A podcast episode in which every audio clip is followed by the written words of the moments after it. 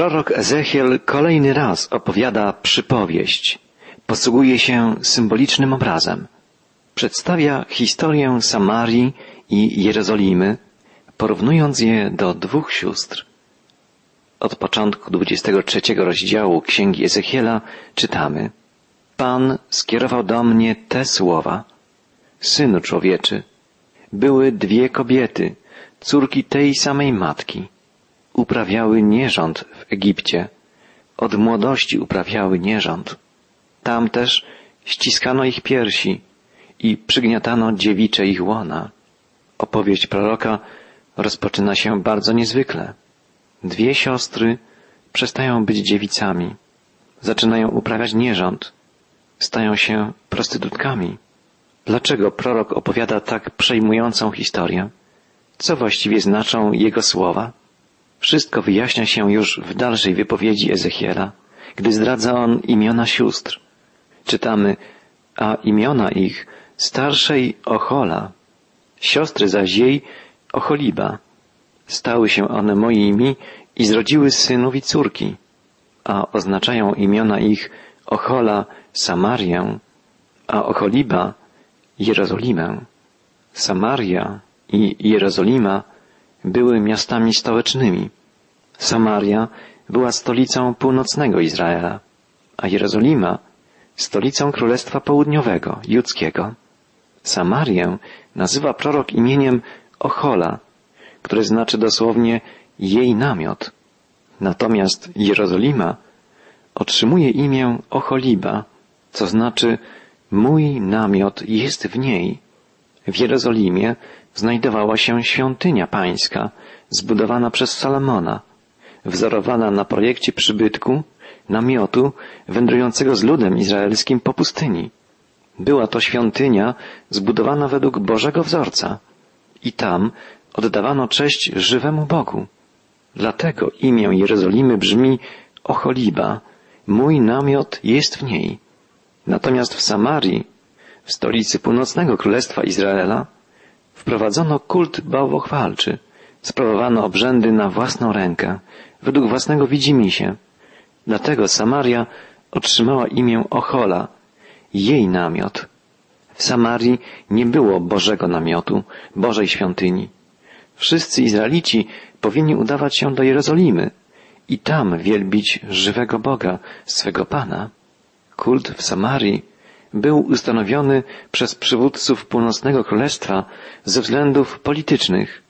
Obawiano się, że gdy północne plemiona będą uczęszczać do świątyni w Jerozolimie, dojdzie do zjednoczenia całego ludu izraelskiego. A przecież tak miało być. Tego oczekiwał Pan, by cały Boży lud czcił Go i wielbił jednym głosem. Widzimy, jak niedobrą, wręcz tragiczną jest rzeczą, gdy w sferę wiary, pobożności wkraczają i ingerują względy polityki, ludzkie rachuby, ludzkie pomysły. Północne Królestwo ze stolicą w Samarii odłączyło się, odwróciło od Jerozolimy. Król Jeroboam postawił dwa posągi złotego cielca w Samarii i w Betel i polecił tam dokonywać bałwochwalczych obrzędów, by powstrzymać swój lud od odwiedzania Jerozolimy. W rezultacie dziesięć północnych plemion Izraela stoczyło się w pogaństwo. Ludzie zaczęli czcić rzekomo boskie posągi na wzór otaczających ich ludów. Czytamy dalej. Ochola, kiedy mi podlegała, uprawiała nierząd i zapałała miłością ku swoim kochankom, Asyryjczykom, sąsiadom, wielu możnowładcom i namiestnikom ubranym w fioletową purpurę, ku wszystkim powabnym młodzieńcom i jeźdźcom dosiadającym koni. Tym wszystkim spośród wybitnych Asyryjczyków oddawała swoje nierządne pieszczoty i kalała się bożkami tych, którzy w nich rozpalili nierządne uczucia. Lecz ona nie poniechała swego nierządu z Egiptu, bo tam sypiali z nią w młodości jej i przygniatali dziewicze jej łono, oddając się z nią swoim czynom nierządnym. Boży prorok wskazuje, że oddawanie czci bóstwom asyryjskim było powrotem do praktyk uprawianych już w Egipcie, gdzie w czasie długiej niewoli część ludu izraelskiego uległa wpływom kultów egipskich bożków. Dlatego po wyjściu z niewoli egipskiej tak prędko pod nieobecność Mojżesza Izraelici postawili złotego cielca i oddawali mu cześć, na co zezwolił brat Mojżesza, Aaron. Od początku wpływ pogańskich kultów w Izraelu był wielkim problemem. Ludzie nie rozumieli, że Bóg, który się im objawił, który do nich przemówił, który dał im swoje prawo, to jedyny prawdziwy, wszechmocny Bóg, jedyny żywy Bóg, Stwórca i Pan świata. Od początku Boży prorocy napominali lud i przyrównywali jego postępowanie do nierządu, do zdrady, zdrady względem ich Pana, jedynego Boga, który ich ukochał i chciałby byli Jego wyłączną własnością. Jak mąż pragnie wyłączności w stosunku do ukochanej żony, dlatego wydałem ją w ręce jej kochanków, w ręce Asyryjczyków, do których pałała miłością. Ci zaś odkryli jej nagość, zabrali jej synów i córki, a ją samą zabili mieczem, tak, że stała się dla kobiet przestrogą, bo wykonano na niej wyrok.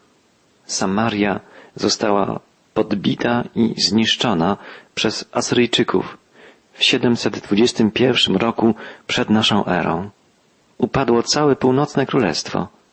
Dziesięć plemion Izraela dostało się do asyryjskiej niewoli. Taka była konsekwencja poddawania się wpływom asyryjskich kultów. Taki był rezultat odstępstwa, odejścia od Pana, żywego Boga. Los Samarii powinien być wystarczającą przestrogą dla Jerozolimy. Tak jednak nie było. Prorok Ezechiel woła, choć widziała to siostra jej, Ocholiba, dalej posunęła się w swojej rządzy, a nierząd jej stał się większy od nierządu jej siostry. Zapałała rządzą do Asyryjczyków, możnowładców i namiestników, sąsiadów, kosztownie ubranych, do jeźdźców dosiadających koni i wszystkich powabnych młodzieńców. I widziałem, że się splamiła i że obydwie kroczyły tą samą drogą. W swoich czynach nierządnych poszła nawet jeszcze dalej, bo gdy ujrzała na ścianie wymalowanych mężów, malowane czerwoną farbą obrazy Chaldejczyków, opasanych wokół bioder pasami z obszernymi zawojami na głowach, a wszyscy oni z wyglądu przypominali bohaterów, podobni do Babilończyków pochodzących z ziemi chaldejskiej, zapałała ku nim rządzą, tylko dzięki obrazowi, jaki widziały jej oczy.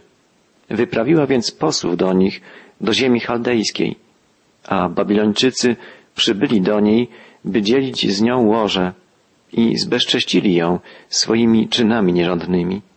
A gdy ją splamili, dusza jej odwróciła się od nich.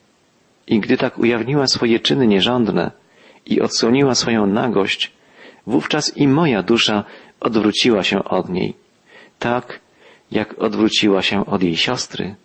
I pomnożyła jeszcze swoje czyny nierządne, gdy wspomniała na dni swej młodości, kiedy to uprawiała nierząd w ziemi egipskiej, i zapałała rządzą do swoich kochanków i zatęskniłaś za rozpustą swojej młodości, gdy w Egipcie przygniatano Twe łono i ściskano piersi.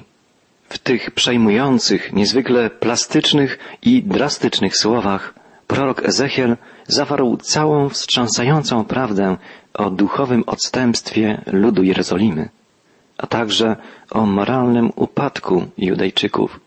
Kulty pogańskie wiązały się często z nierządem sakralnym. Duchowe odstępstwo, zdrada względem jedynego prawdziwego Boga pociągały za sobą upadek moralny, cudzołóstwo, niewierność małżeńską. Kultury asyryjska, chaldejska, babilońska, bogate w obrzędy religie wschodu, były intrygujące, barwne i przyciągały zmysłowością, atrakcyjnością erotyki, seksu kultowego. Niestety Izraelici nie opali się wpływom tych religii, religii odwołujących się do najniższych instynktów człowieka. Zawiedli jako lud, którego zadaniem miało być świadczenie o jedynym, prawdziwym, żywym Bogu. Mieli innym opowiadać o Panu, składać świadectwo o Jego cudownych dziełach, oznajmiać Jego słowo, Jego wolę. Zamiast tego ulegli wpływom kultury i religii wschodu, Asyryjczyków, Chaldejczyków, Babilończyków. Dlatego Ocholiba, Jerozolima podzieli los Samarii i zostanie zniewolona, upadnie. Prorok Ezechiel ogłasza wyrok. Dlatego, Ocholibo, tak mówi Pan, Bóg. Ja pobudzam przeciwko Tobie Twoich kochanków i przyprowadzę ich zewsząd przeciw Tobie, Babilończyków i wszystkich Chaldejczyków. Ci, ku którym zwróciła się Jerozolima, staną się jej niszczycielami, ciemiężycielami. Przybędą do Ciebie od północy na wozach żelaznych i rydwanach w niezliczonym tłumie. Zewsząd podniosą przeciwko Tobie tarczę, szyszak i przyłbicę. Przedłożę im sprawę, aby wydali na Ciebie wyrok według swoich sądów. Skieruję przeciwko Tobie moją zapalczywość, tak, że srogo będą się z Tobą obchodzili. Odetną Ci nos i uszy, a to, co po Tobie zostanie, upadnie pod mieczem. Zabiorą Ci synów i córki, a resztę ogień strawi. Jerozolima została zniszczona. Lud judzki znalazł się w babilońskiej niewoli. Stało się tak w 586 roku przed naszą erą, gdy Jerozolima została ostatecznie zniszczona, doszczętnie zrujnowana i spalona. Dla nas to tragiczne wydarzenie jest wielką przestrogą. I my kierujemy nieraz swoje zainteresowania w stronę rzeczy, zjawisk, idei, które wydają się nam niezwykle atrakcyjne, barwne, ciekawe, a po jakimś czasie doznajemy zawodu, frustracji, uczucia niespełnienia. Czujemy się oszukani, zrujnowani. Dzisiaj pociągać nas może wiele filozofii, religii, zjawisk kultury, w tym oddziałującej poprzez media kultury masowej. Pociągać nas może wizja bogactwa, materialnego dobrobytu, wizja tak zwanej wolnej miłości, czyli traktowania spraw seksu jako jedynie przyjemności, czegoś, co nam się należy, bez żadnej odpowiedzialności, bez troski o dobro partnera, o szczęście obojga, mężczyzny i kobiety, o szczęście małżeństwa, rodziny, o dobro, bezpieczeństwo dzieci. Pomyślmy, mieszkańcy Jerozolimy mieli wśród siebie świątynię, dom Boży, zbudowany zgodnie z Jego wolą. Znali Słowo, prawo pańskie, wiedzieli, jaka jest Jego wola, a jednak oddalili się od Pana, dali się zwieść fałszywym bożkom. Dzisiaj znamy wolę Boga, znamy Jezusa Chrystusa, w którym Bóg objawił nam siebie, swoją miłość. Czy postępujemy tak, jak On tego pragnie, oczekuje? Apostoł narodów wzywa nas, poddawajcie samych siebie próbie, czy trwacie w wierze, doświadczajcie siebie. Czy nie wiecie o sobie, że Jezus Chrystus jest w was? Chrystus pragnie w nas mieszkać. Mamy stać się Jego świątynią, żywymi cząsteczkami Jego Kościoła, żywymi kamieniami Bożej świątyni, świątyni Ducha Bożego. Czy tak jest w naszym życiu? Czy prowadzi nas Boże Słowo? Czy przemienia nas i kształtuje Duch Święty?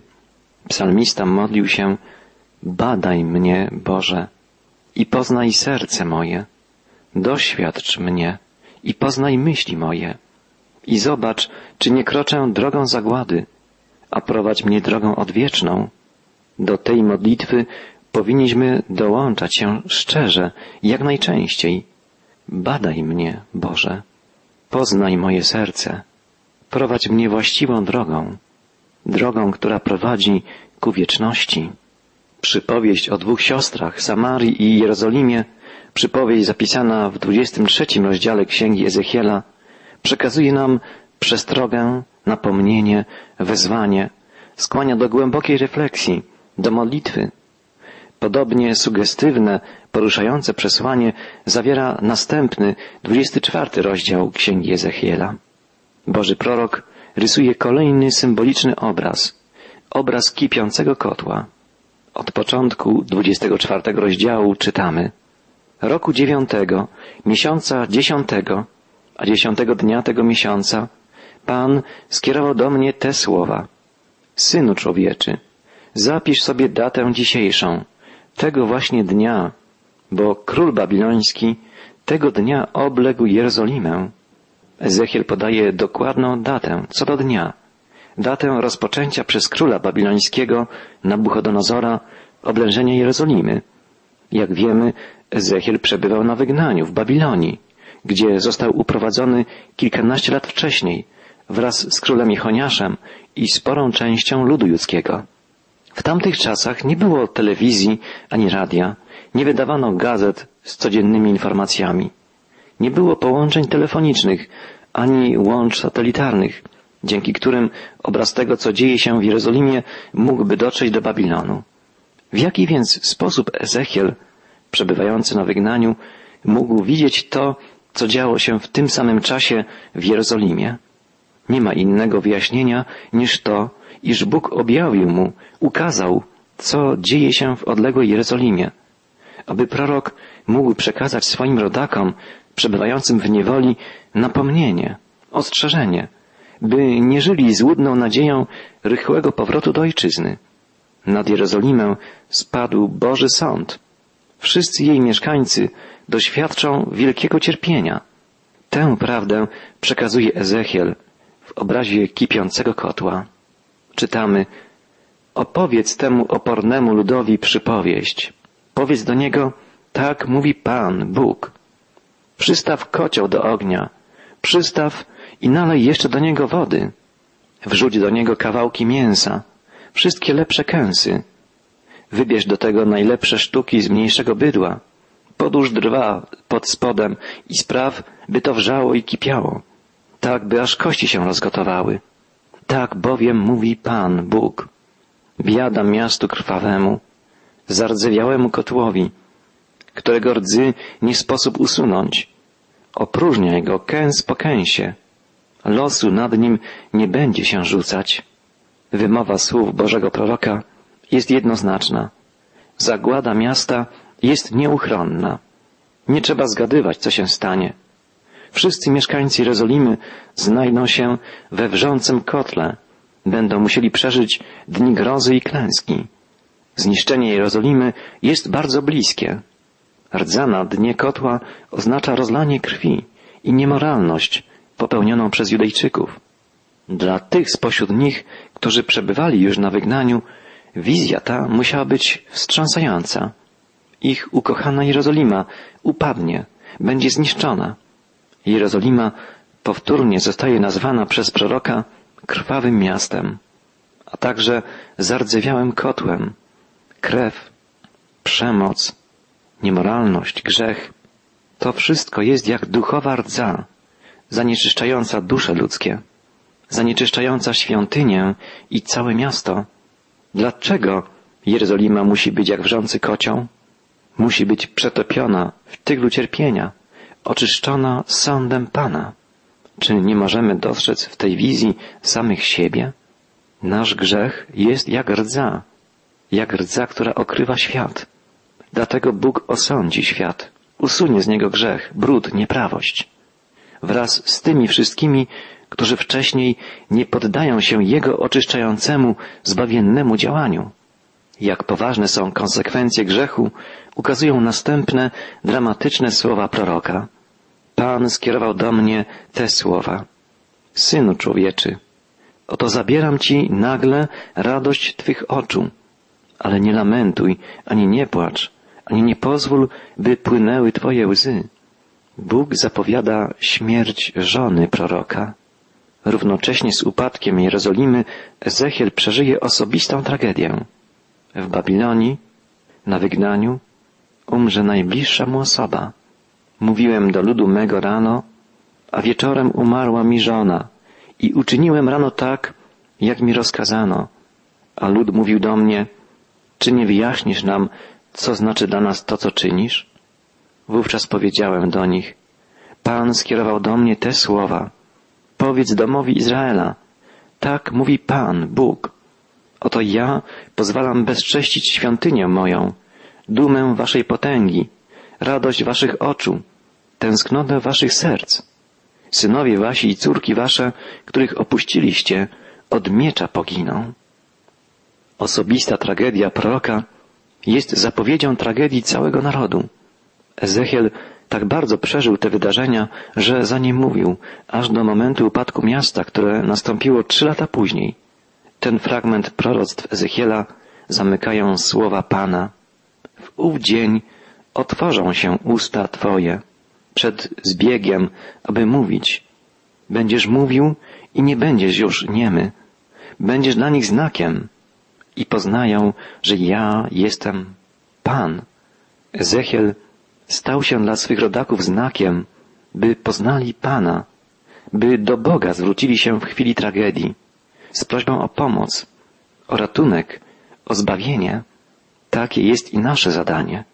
Wskazujmy światu, który zmierza ku zagładzie, Boży ratunek, Boże zbawienie.